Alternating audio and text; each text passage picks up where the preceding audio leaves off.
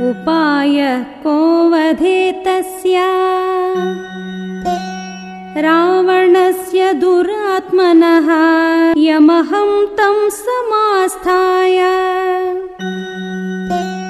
निहन्यामृषिकण्टकम्